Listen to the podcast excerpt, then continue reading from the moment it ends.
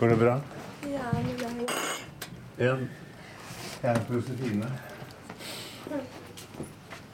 Nå er jeg på Josefine sammen med Jonny K. Jonny Kristiansen, lederen for Reis deg komikerklubb, eller RDK. Og Josefine, her har det vært standup hvor lenge? Eh, Det er åtte år nå. eh, I april. Så det er åtteårsjubileum. Da dro vi fra Victoria Teater midt på Karl Johan. Så dro vi opp til denne lille vertshuset her oppe i Josefines gate. Og så var det ikke så lite allikevel, men her har det vært et yrende standup-miljø i åtte år. Utrolig. Det er jo det stedet kanskje vi har vært lengst nå. At det slår faktisk Lille. Det var det stedet vi flyttet fra og ned til eh, Victoria Teater. Men uh, kaffe, te Ja, kaffe. Skal vi se. Rydding for eh, kveldens standup. Ja, nå driver Jonny og rydder bak scenen. Trommesettet fra Jammen på tirsdag. Trommesettet fra Jammen på tirsdag står fortsatt på scenen bak teppet. Men ja, for, det, for trommene står der hvor komikerne står, ja nå. Ja. Så nå må vi bare flytte det slik at uh, vi kan trekke for det gylne røde sceneteppet. Slik at eh, man skaper den gode stemningen. Og så kan vi liksom putte trommesettet til tirsdagen bak. For her foregår det jo både quiz, jam og viseklubb liksom på samme hus. Så har eh, det å vise ansvar for hver og en kveld her liksom blir opp til generaldirektøren. Og det er deg? Nei, jeg vil ikke si jeg er generaldirektør. Det er en mye god idealisme, ideologi og hjerte bak en sånn oppgave som man har kastet seg ut på for 20 år siden. Det er jo en livsoppgave, da. Det er det. Men så er det noe med gleden av å se at folk At man har skapt gode relasjoner, man har skapt et nettverk, man har gitt folk muligheten, og samtidig så har man selv på en måte vokst i det å være artist. da. Så det har eh, Det er både ungdomsarbeider, og nå det, går det over til liksom Nå er de unge blitt voksne. Så nå er det en ny generasjon ungdommer som er på vei inn, og så er det flere voksne og miljøarbeidere i klubben. Nettopp, ja. Men er er det mest stas med de unge, eller? Hva sa du? Er det mest eh, gøy med de yngste? De som er på vei opp, og som kan utvikle seg videre, formes eventuelt? Det er grunnen til at vi får barn, alle de gamle komikerne. Det er fordi at man har lyst på noe ny energi, ny nysgjerrighet, uh, nytt overskudd. Vi ser jo litt selv hvordan vi liksom faller litt sammen. Og jeg, når jeg tenker på mine egne venner, så er det deilig å treffe unge, oppadgående komikere. Ja, ja. Det, den ser jeg, men du er, vel, du er vel en av de som holder seg ung her i verden? Ja, det har litt med sin egen innstilling da, til sitt eget, uh, sine egne omgivelser. Det er litt sånn hva du sier høyt til deg selv. Da skjer det ofte noe. Ja, Ikke tenke, men si høyt, da. Si det høyt, da, så du hører det. på en måte, At du fysisk på en måte, det smeller inn i ørene dine. Og det er liksom Dette skal jeg faktisk gjøre i dag. Dette tror jeg på. Dette har jeg lyst til å gjøre. Denne jobben som jeg skal ut på nå, den skal bli ålreit. Liksom. Det, det er så lett å liksom holde det inni seg. Og da sier man ofte ting som man egentlig ikke har lyst til å kanskje gjøre. Men det er du som eh, rydder scenen, altså. Er det vanlig, det, eller? Ja, ofte det har vært. Altså, jeg har ikke noe imot det, for jeg ser jo liksom Jeg er jo en detaljfrik. For, altså, det kan se liksom sånn Hvorfor funker et rom, hvorfor funker en god standup-scene? Det funker ofte fordi alle detaljene jeg har tenkt på. Man har tenkt på lys, plassering eh, At de som kommer inn, opplever rommet som et varmt og godt rom, og at eh, alt er tilrettelagt. Det er så fint å stå på en scene når eh, forberedelsene har blitt gjort godt og gjennomtenkt. Og der var tamburinen rundt vekk også. Da er scenen klar. Ja, Tamburinen kan jo plutselig bli et kan det plutselig bli en del av en gig. Det var akkurat sånn som vi faktisk begynte når vi begynte med standup. Da, da visste vi jo egentlig ikke hva standup var. Da var det mer sånn kabaret. Så da kom jo alle med forskjellig rød nese, parykker, man sto naken på scenen, man hadde med tamburin. Det var mer sånn revysetting. Eh, Hvor mye er klokka? Bare sånn at Den er kvart over seks. Jeg hører meg etterlyse den kaffen. Jeg, Ja, jeg tror jeg tror det står her. jeg. Står. Til avkjøling. Fløte og sukker på der, Ja. Fløte og sukker. Da var stolene på plass òg. Nesten. Det er jo Jeg må Det er noen til. Så jeg må bare få rigga rommet sånn at jeg er fornøyd med det. Men det har jeg opplevd så mange ganger at det er liksom Det viktigste er forarbeidet for at uh, kveld skal bli bra. Det er, så, det er så utrolig mange detaljer som veldig mange arrangører glemmer og bare tror er liksom Å skru på en knapp, og så er det hele tiden hvordan publikum har det, hvordan de trives, at ting er tilrettelagt for at de har en god opplevelse. Det er liksom alfa og omega for en komiker å stå på scene. Merker du liksom at publikum er i godt humør, du merker at det er god stemning, det er ikke noe misfornøyd. Du vet at når du går på scenen, så virker lyset, det spottene står der. De er skrudd i den på det nivået som skal. Lyden funker. Jeg var på en jobb i går. Skulle bli introdusert på scenen. Ja, det er hyggelig å ha Jonny Kristiansen her. Og så ble det helt stille. Så kom ikke introlyden. Så ble han stående på scenen og så lurer på Så hører du Jeg klarte ikke å slå på den, eh, den musikken. Og så Ja vel. Da har vi begynnelsen. Så må du begynne helt på nytt igjen. Ja, da, da går du av scenen, da. Ja, så sier vi Kjære publikum, eh, da prøver vi en gang til.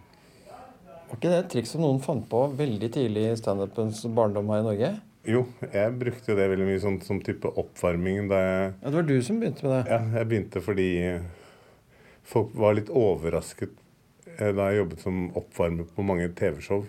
Det var liksom Min vei inn til standupen var jo eh, Da gameshow, sitcom og alt dette kom, så ble jeg hyra inn som oppvarmer. Hvorfor ble du det, egentlig? Hadde du noe erfaring med noe sånt? Nei, altså Erfaringen min var at jeg hadde gjort en del TV-ting, altså reklamefilm. Og så hadde jeg gjort mye uttrykk og vært gal. Turt å vise en form for galskap på settet i reklamefilm. Som noen produsenter, eh, TV-folk så. Så tenkte de denne fyren her kan vi bruke til å kaste foran publikum. Kom det med på film, det du viste av galskap, eller var det sånn du gjorde mellom opptakene?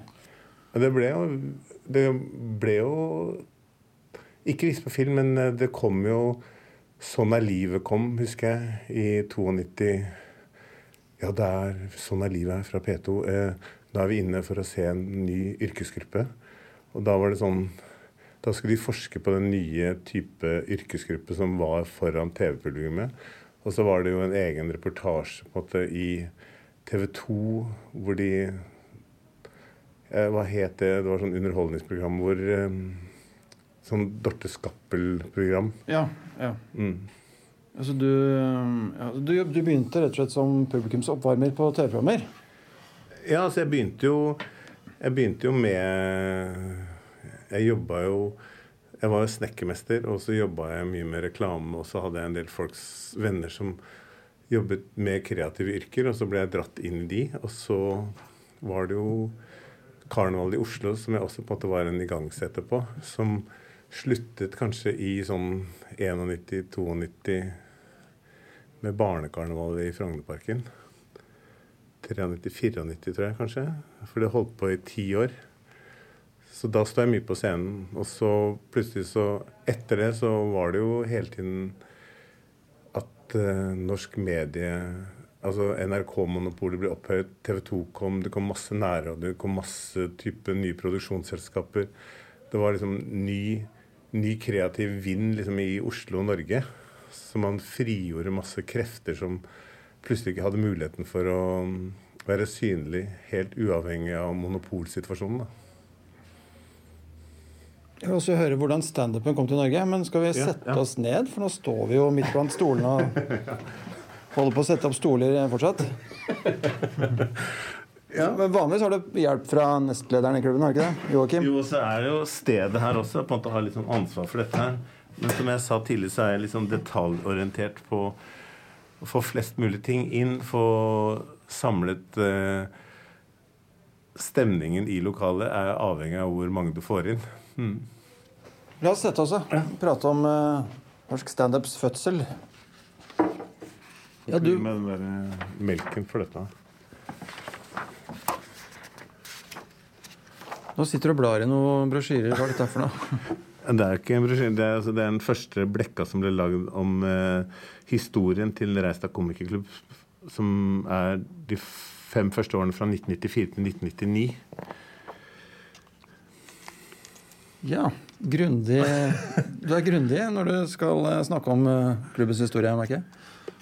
Ja, altså, det er jo hvordan ting blir til. ikke sant? Altså, historien på en måte er jo det som på en måte har skapt muligheten for at vi er akkurat her vi er nå. ja, fordi Det første standup-stedet, var det det som lå på Aker Brygge som het Teatro? Ja. Og det var jo et resultat av to ildsjeler. Eh, en som heter Lars og Tom, på en måte, som hadde lyst til å lage noe eh, nytt. Altså da hadde jo den type kaffe-latte-kulturen kommet i Oslo, og Aker Brygge hadde oppstått, og var liksom, alt var så veldig sånn stilrent og riktig. Og så tror jeg de hadde et sånt gen om å ønske at de skulle lage et utested der som brøt med liksom det litt sånn tradde, sikre, safe. Og så ble det et sted som skulle være et utøvende sted, da. Hmm. Men de to, var de eh, Hadde de forbindelse med Aker Brygge? Altså, jeg tror De leide et sted, eh, et lokale, som de kalte teatret. Og så hadde de lyst til å ja. åpne et utested som skulle på en måte inneholde noe live eh, underholdning. da. Ok, Men hvem var de to? da? Det er to fyrer som på en måte har vært i liksom litt sånn undergrunnsmiljø innenfor underholdning, igangsettere, kreative, litt sånn frikete fyrer som hadde et sånt gen i seg. Som har vært veldig orientert mot underholdning, reklamebransje. Ja. Og de ville ha standup til Norge? Ja, altså De ville ikke nødvendigvis ha standup, men de ville ha noe, noe nytt. Altså, og, og så tok de kontakt med folk som Eddie Eidsvåg, eh, meg, Maja Løvland, Rigmor Galtung, Sturla var der, Berge Hansen, Are Kalve kom. Eh, Dean, Kenneth Dean. Eh, Teater, friteater? Ja, friteaterfyr, ja. Mm. Så det var veldig mange forskjellige personligheter fra forskjellige miljøer som hadde stått på en eller annen scene eller gjort noe sånn type fysisk, kreativt og så var det en sånn blanding av mange forskjellige sjangere som plutselig møttes. da. Nettopp. Ja, for jeg hadde sett standup i London. Mm. Uh, jeg har sett det på TV og sånn men, uh, men uh, i hvert fall jeg hadde sett det live før. Mm. Så da jeg så dere, så som du sier, jeg fikk bakoversveis Aftenposten var det vel, som lagde en reportasje derfra og tok et bilde av deg mm. i fullt firsprang. Og, mm. og, jeg satt på første rad og så mm. litt skremt ut. Ja. For, for, meg var det mer sånn jeg, jeg opplevde det mer som en slags performance. da ja, det var vel en performance. Altså, jeg følte at det ble en sånn hva, Hvis du sier kabaret, så er det en sånn sammenblanding av veldig mye rart som møtes. Også, sant, fordi du hadde tryllekunster, du hadde pantomime, du hadde nakenstunt, du hadde revy, du hadde sang, du hadde oppvarmer Altså den rollen jeg hadde, liksom plutselig oppvarmer personen. Eh, så det var jo en sånn blanding av mye. Og så hadde vi jo de tradisjonene i Norge med revy. Ja, Jon Skau kjørte jo noen figurer, husker jeg. Hockeyspilleren og Ja, ikke sant. Så det var veldig mye sånn type parodier. Var også veldig inn den tiden. Ja, Rigmor Galtung gjorde jo Wenche Myhre, ja, ja. Myhre og Gro og Jon Skau hadde liksom Steinar-skikkelsen som ble liksom en veldig sånn frontfigur i den spede starten av eh, standupen. Og han hadde også liksom lærerinnen og ikke sant? Altså, det var mye karakterer. Så den, det at én person sto og var helt seg selv på en scene, var vel kanskje veldig uvanlig. Og så var det noe med at vi skulle bare begynne å fortelle en historie uten å liksom nødvendigvis vite hvor den endte, men at vi hadde lyst til å fortelle noe. Jeg husker at jeg sto og bare fortalte en historie om en eller annen fyr som skulle gjennom en stor skog, og så traff han masse trær som begynte å snakke, og så sa kua mjau, og så ble det liksom ble sånn helt absurde historier. Men det jeg ønsket da, var å involvere publikum. At de skulle svare og være kyr og sauer og være busker og øh, bevege seg og lage lyder. Så det var litt sånn utradisjonelt, og så var du veldig på publikum, da. Hvem var dine forbilder innafor standup og humor?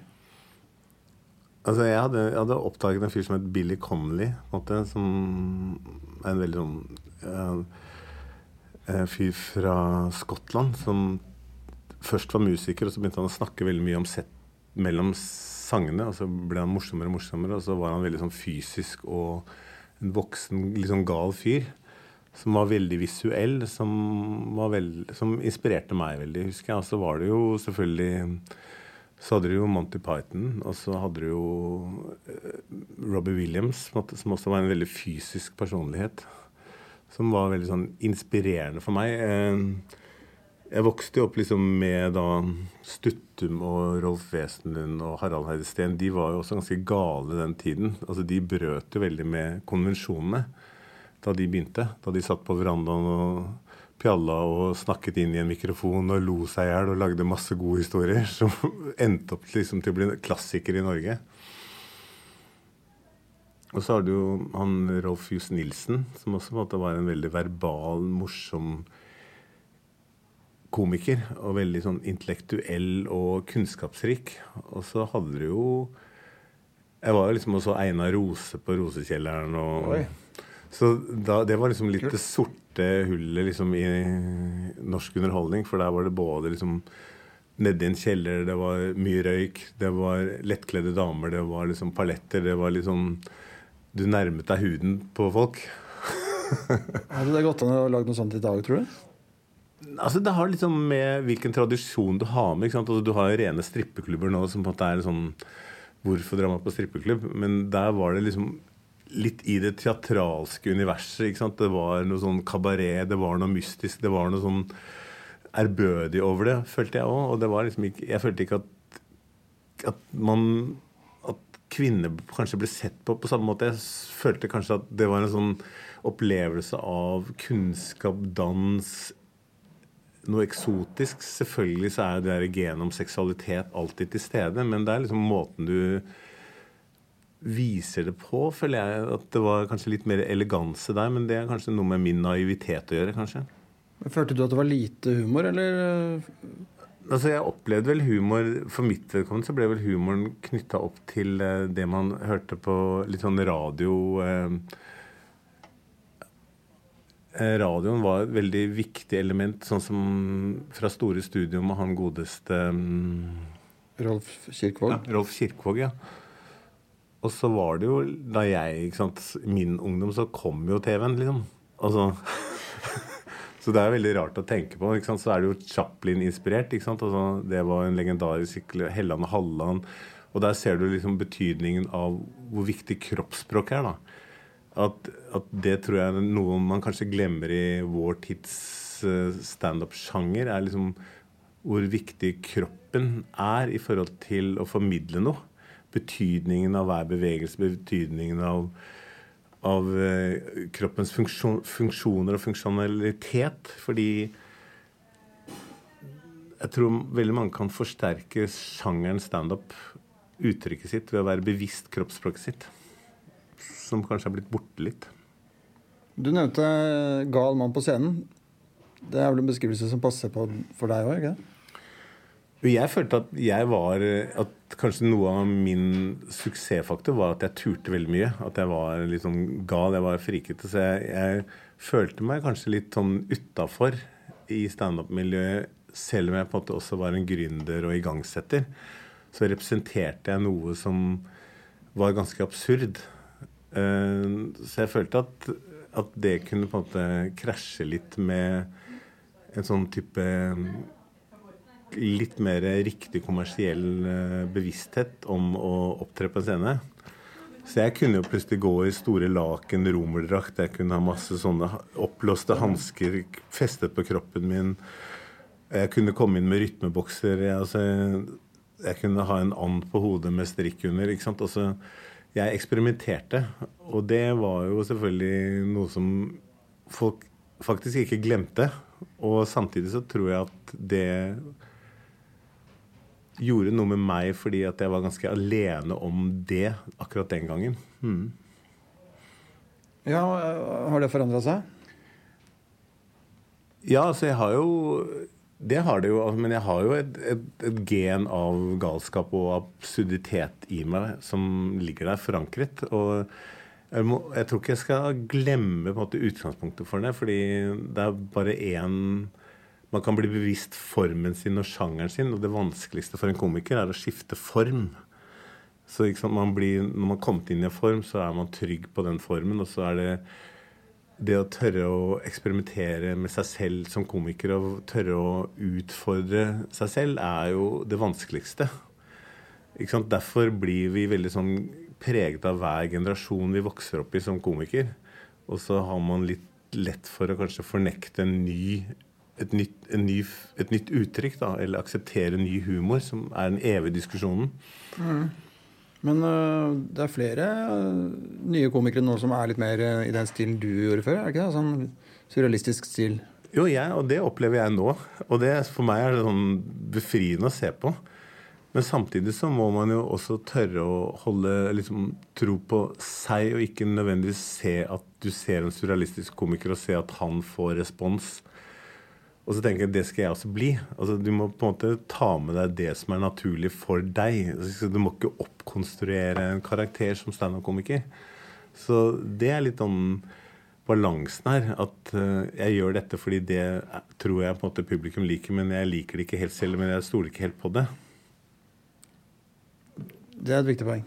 Det er jo det. ja, veldig. Men det er, men det er fort gjort å falle i den fella der. Ja, veldig. Og det er klart at man kan bli veldig inspirert av komikere som har suksess, eller som du selv ler av, som nødvendigvis ikke er gjenkjennbart i ditt eget univers. Men da tenker jeg at uh, Du tenker 'Å, jeg skulle ønske jeg var sånn'. Og så tenker du 'Men hvis jeg er litt realistisk her, kan jeg være sånn? Og så tenker jeg nei, det kan jeg ikke, fordi jeg er jo ikke den personen. Jeg har ikke det, den bakgrunnen, jeg har ikke det tankegodset, jeg har ikke den måten å tenke på.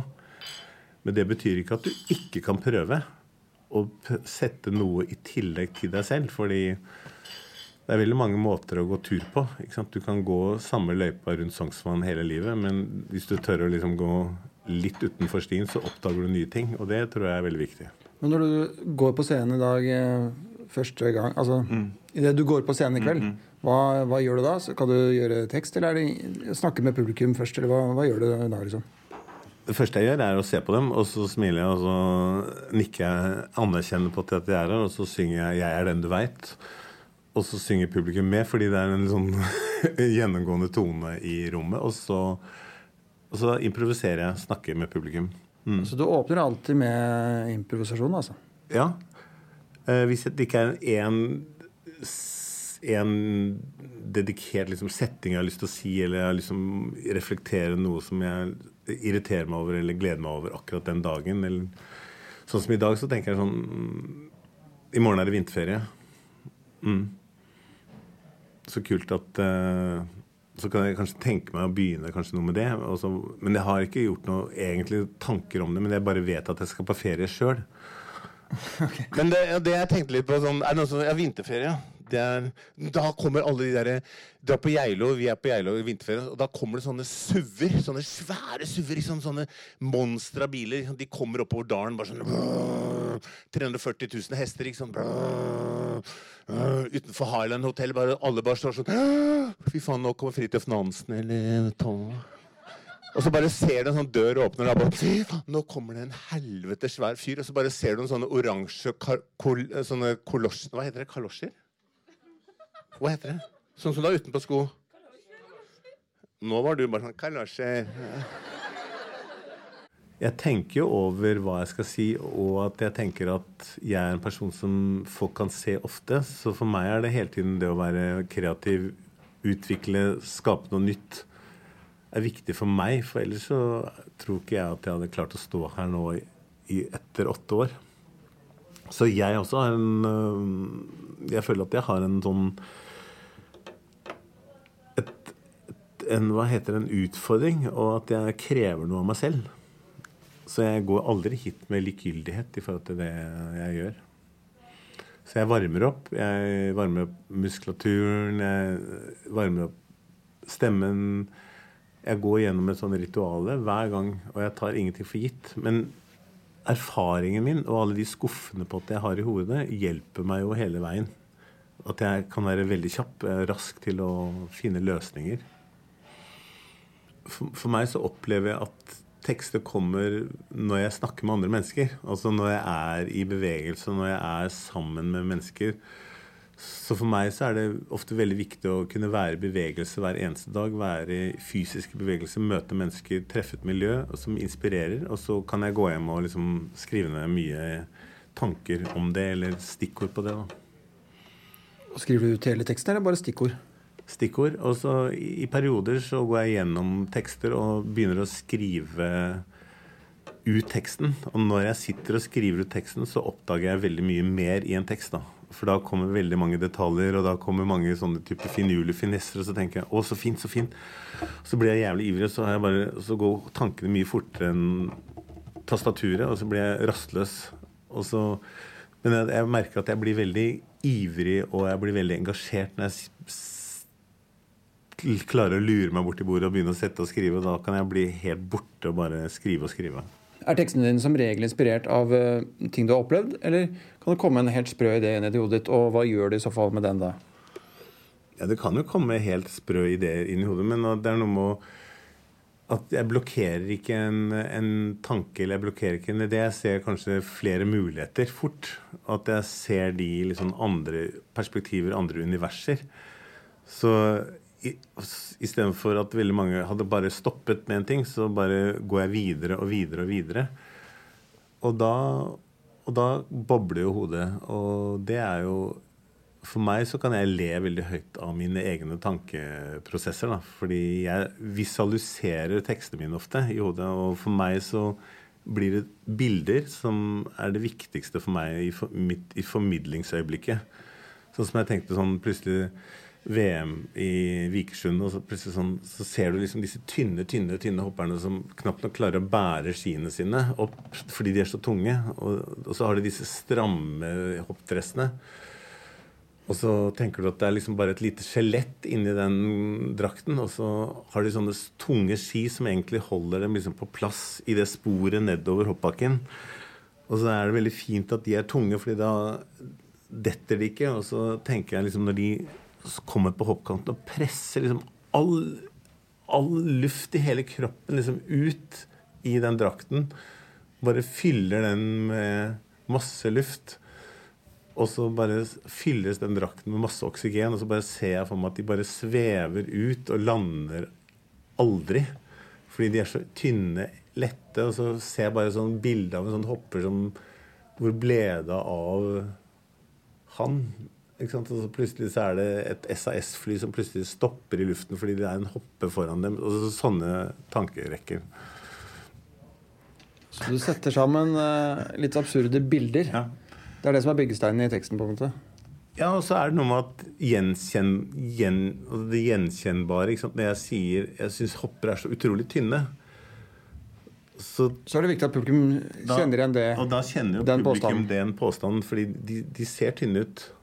De ser magre ut. ikke sant? Det det. Så, ikke sant? Så det er noe med det å etablere en ingress, en påstand, som folk kan realitere, realitere seg til, eller forholde seg til.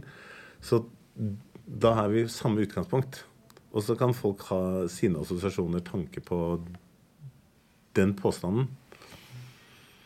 Men da er det mitt univers som drar dem et helt annet sted enn det de hadde forventet. Da. Så da blir det det komiske øyeblikket, tenker jeg.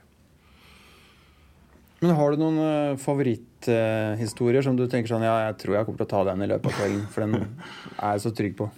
Men det er jo det som ofte er faren da, ved at du har favoritthistorier som funker. Og nå er jeg litt sånn inne i et univers med sånn Datteren min som på en måte har fulgt meg hele livet. altså Barna på en måte er jo en del av mine tekster. Familien. Men Andrea på en måte har vært en person som er 17 år nå og har fulgt meg liksom i tekster fra dag én. Så hun, på at hun åpnet et nytt univers for meg som jeg aldri har opplevd. For jeg har fire gutter og én datter. Å komme inn i ungdomstida til en jente på 17 år har jeg aldri opplevd. Og når jeg er 63 år og liksom ser det universet, så bare koker det i hodet mitt. Og da får jeg liksom oppleve noe som jeg aldri har liksom snakket om. Så det er et univers som jeg merker at jeg blir liksom prega om dagen. da. Ja, men Datteren min kom og så, så sa hun, hadde jeg lagt ut noen sånne ting på skåler i stua. Og så sier datteren min, hun er 17 år, så sier hun eh, 'Pappa, du bør ikke legge ut kondomer.' Og jeg bare 'Kondomer?' Ja. Og så hadde jeg lagt ut 'After Eight'. Da er showet over, og Jonny, hvor går ferden? Eh, Det er jo bare ett sted. Det er jo Lorry. Høres bra ut. Skal vi rusle? Ja, tusen takk. Du har med dresspose. og Ikke si at jeg gjør dette. Hva da? Ta på lue. Det skal, det skal jeg ikke si.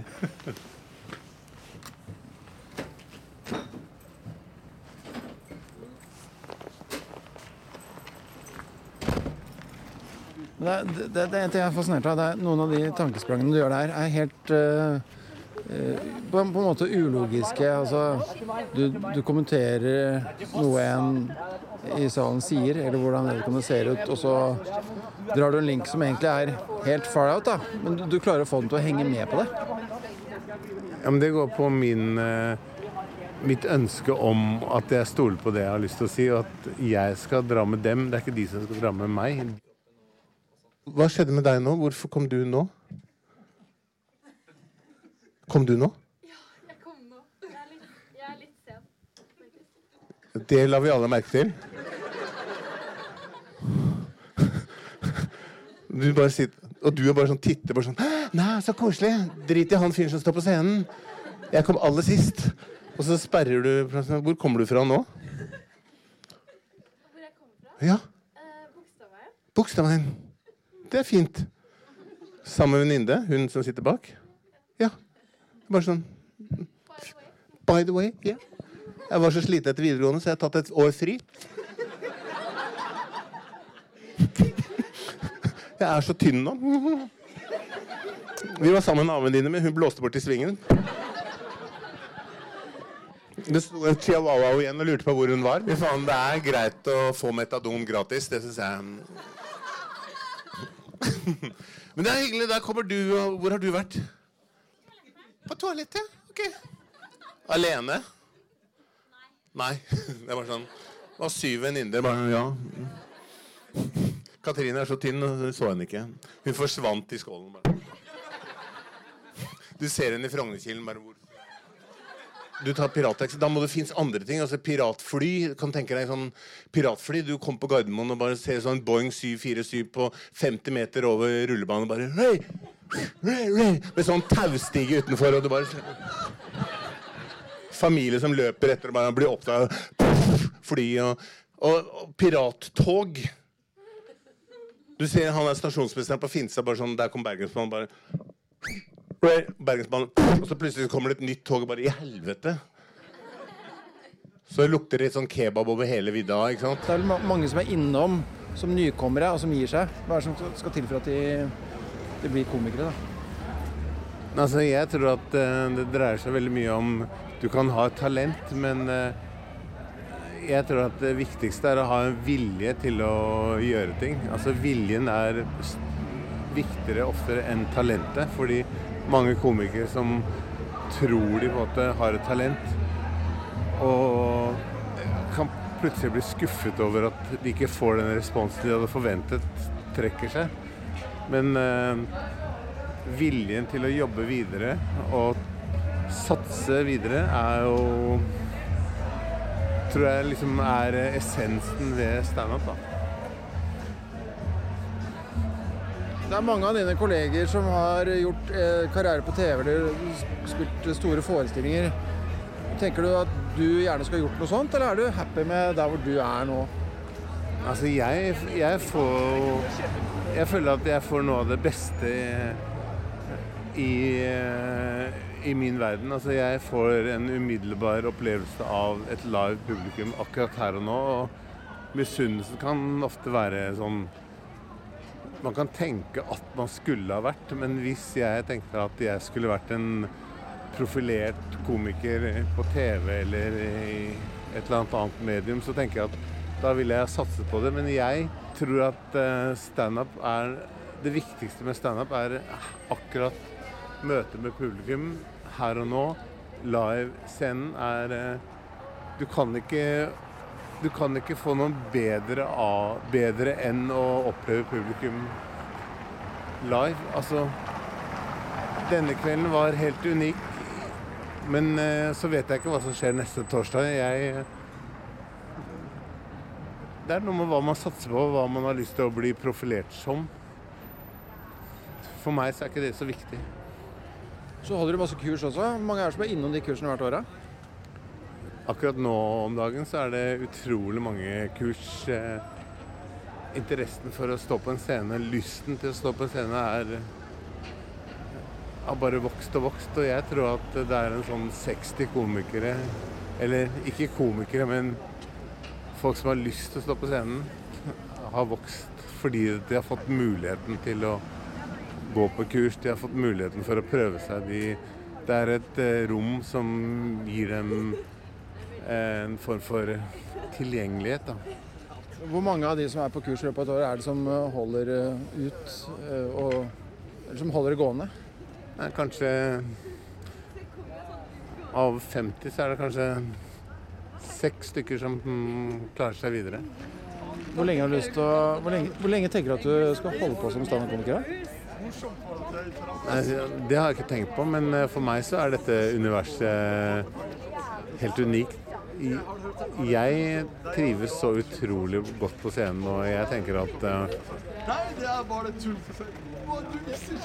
Jeg hadde en ambisjon om at jeg skal ha mitt avslutningsshow når jeg var 80, men jeg tenker at eh, jeg kanskje utvider det til at jeg er 85. Da skal du sette opp et show. Et soloshow. Ja, selvfølgelig. Og jeg tenker at jeg kan være en bidragsyter til å å At dette er ikke noe farlig. Altså, alder har ingen betydning. Eh, Det dreier seg om lyst, det dreier seg om engasjement. At jeg har lyst til å si noe. Og jeg tenker at eh, det er så mye å snakke om. Uansett alder eller tilhørighet, så er det bare å gjøre det. Altså mm. Er bra. Da går eh, turen inn på Jonny. Eh, Inn på Da går turen inn på Lorry. Takk for praten. Veldig hyggelig, Yngve.